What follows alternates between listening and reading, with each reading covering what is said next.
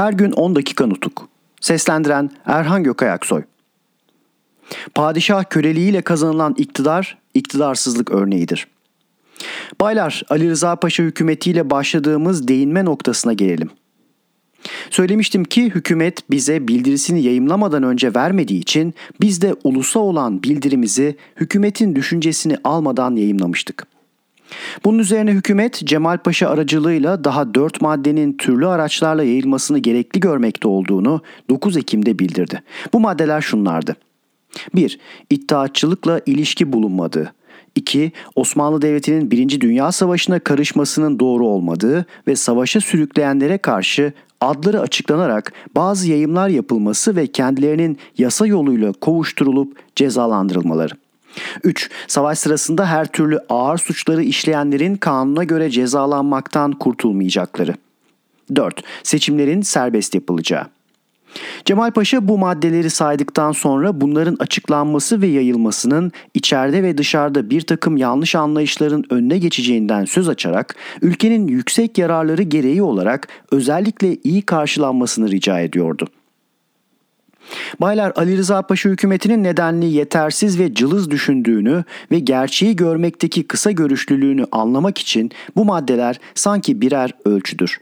Devletin içine düştüğü dağılış çıkmazının derinliğini ve korkunçluğunu göremeyen mutsuzlar elbette gerçek ve güvenilir çareyi görmemek için gözlerini yumarlar.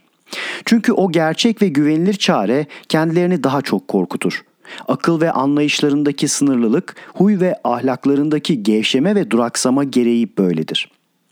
Çoktan köle olduğuna kuşku kalmamış olması gereken padişah ve halifenin köleliğiyle kazanılabilecek iktidarın iktidarsızlığa örnek olması olağan değil midir?''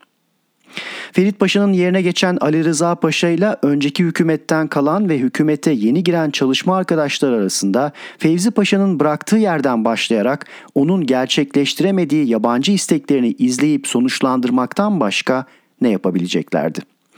Bu bizce açık olarak biliniyordu.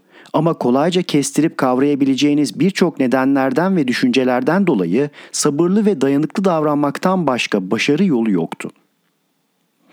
Baylar uzlaşmış görünmeyi uygun bulduğumuz bu yeni hükümetle bizim görüşlerimiz arasındaki uyuşmazlığın gelişen başlangıcını görmek için bu dört maddeyle ilgili düşüncelerimizi kapsayan yanıtımızı Büyük Millet Meclisi tutanaklarının ilk günlerle ilgili sayfalarında bir kez daha gözden geçirmek iyiliğinde bulunursunuz.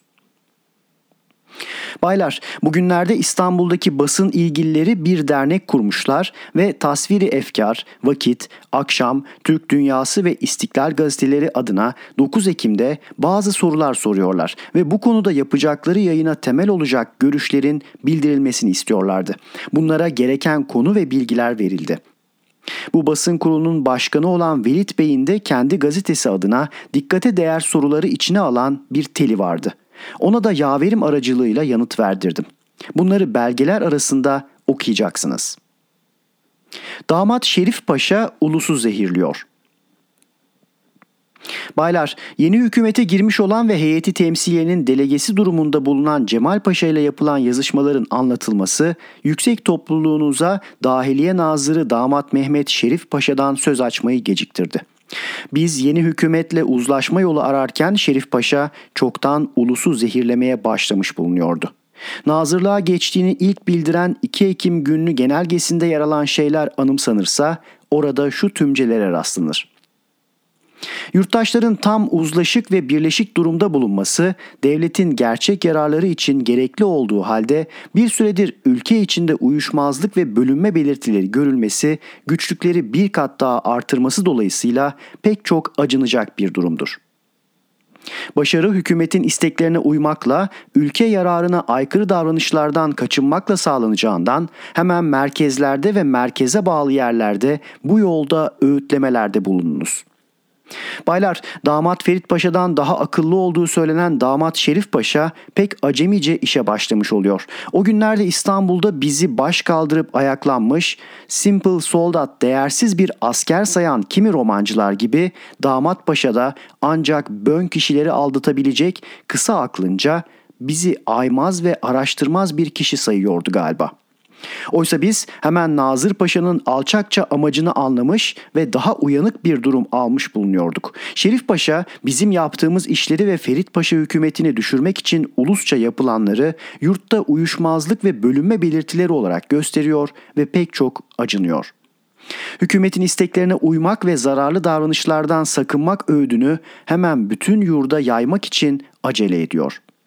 Bir de baylar hükümetin Dahiliye Nazırı Mehmet Şerif imzasıyla yayımlanan bildirisinin birkaç noktasına hep birlikte göz gezdirelim.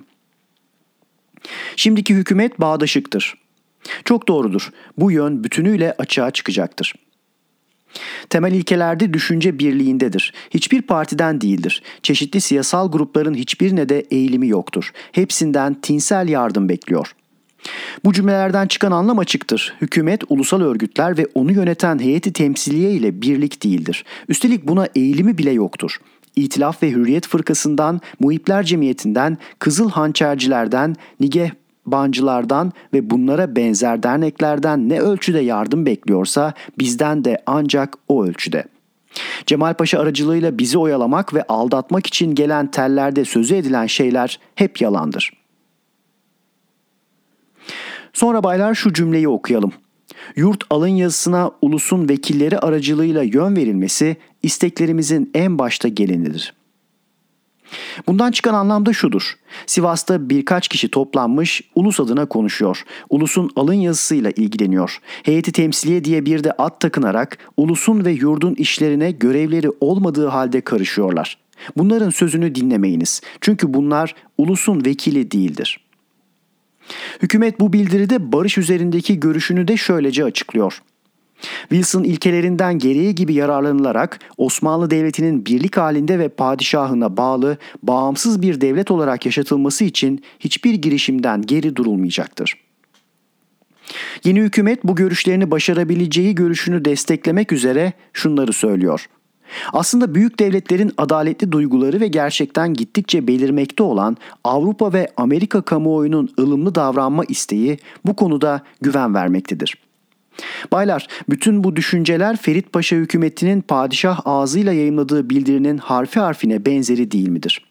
Bu biçim bildiriler yayımlamanın amacı ulusu aldatmak ve uyuşukluğa sürüklemek değil midir?'' Hangi adaletten söz ediliyor? Hangi ılımlı davranma isteğinden dem vuruluyor? Bunların asılları var mıydı? Ülkenin merkezinden başlayarak her yerde yabancıların davranışları gerçekte bunun tersini ispat edecek eylemi ve seçik kanıtlar değil miydi? Gerçekte Wilson ilkeleriyle birlikte ortadan çekilmiş ve Osmanlı ülkesinin Suriye'de, Filistin'de, Irak'ta, İzmir'de, Adana'da ve her yerde işgaline ilgisiz bulunmuyor muydu? Bunca kesin dağılış belirtileri karşısında aklı, anlayışı, vicdanı olan adamların kendilerini aldatmaları düşünülebilir mi? Bu gibi adamlar doğrusu kendilerini aldatacak kadar bön olurlarsa onların yurt kaderini yönetmelerine aklı eren, gerçeği ve acıklı durumu gören kişiler dayanabilirler mi? Eğer bu adamlar gerçeği biliyor ve kendilerini aldatmıyorlarsa bunların ulusu aldatarak koyun sürüsü gibi düşmanın pençesine bırakmaya canla başla çalışmalarına ne anlam verilebilir? Bu yönler düşünülerek yargıya varılmasını kamuoyuna bırakırım. Biricik suçumuz Baylar, hükümetin bildirisi yersiz ve kapsadığı düşünceler yanlış olduğu halde biz heyeti temsiliye adına o gün 7 Ekim günü yeni hükümeti desteklemeye karar veriyoruz.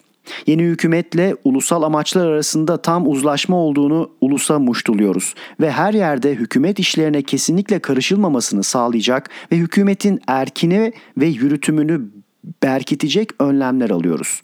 İçeride ve dışarıda tam birlik olduğunu eylemle tanıtlayacak biçimde davranıyoruz. Kısacası ülkenin esenliğini sağlamayı temiz yürekle ve içtenlikle düşünenlerin akılca ve vicdanca yapmak zorunda oldukları akla gelebilen her şeyi yapmaya çalışıyoruz. Bir gün önce milletvekillerinin seçimini sağlamak için özendirmelerde ve öğütlemelerde bulunuyoruz. Yalnız bir şey yapmıyoruz. Ulusal örgütleri kaldırmıyoruz ve heyeti temsiliyeyi dağıtmıyoruz. Biricik suçumuz budur.'' Damat Ferit Paşa'dan sonra başka bir damat paşanın çevresinde sadrazam diye, nazır diye toplanmış bir takım beyinsizleri alçak bir padişahın alçakça düşüncelerini kolaylıkla uygulamakta serbest bırakmayacağımızı sezdiriyoruz. Delegemiz Cemal Paşa bizim hükümete karşı iyi niyet ve güven göstermemizi sağlamak için her çareye başvurmaktan geri durmuyor. Ahmet İzzet Paşa'ya da hükümeti öldürerek varlığımızın silinmesi gereği üzerine öğütler verdiriyordu. Her gün 10 dakika nutuk. Seslendiren Erhan Gökayaksoy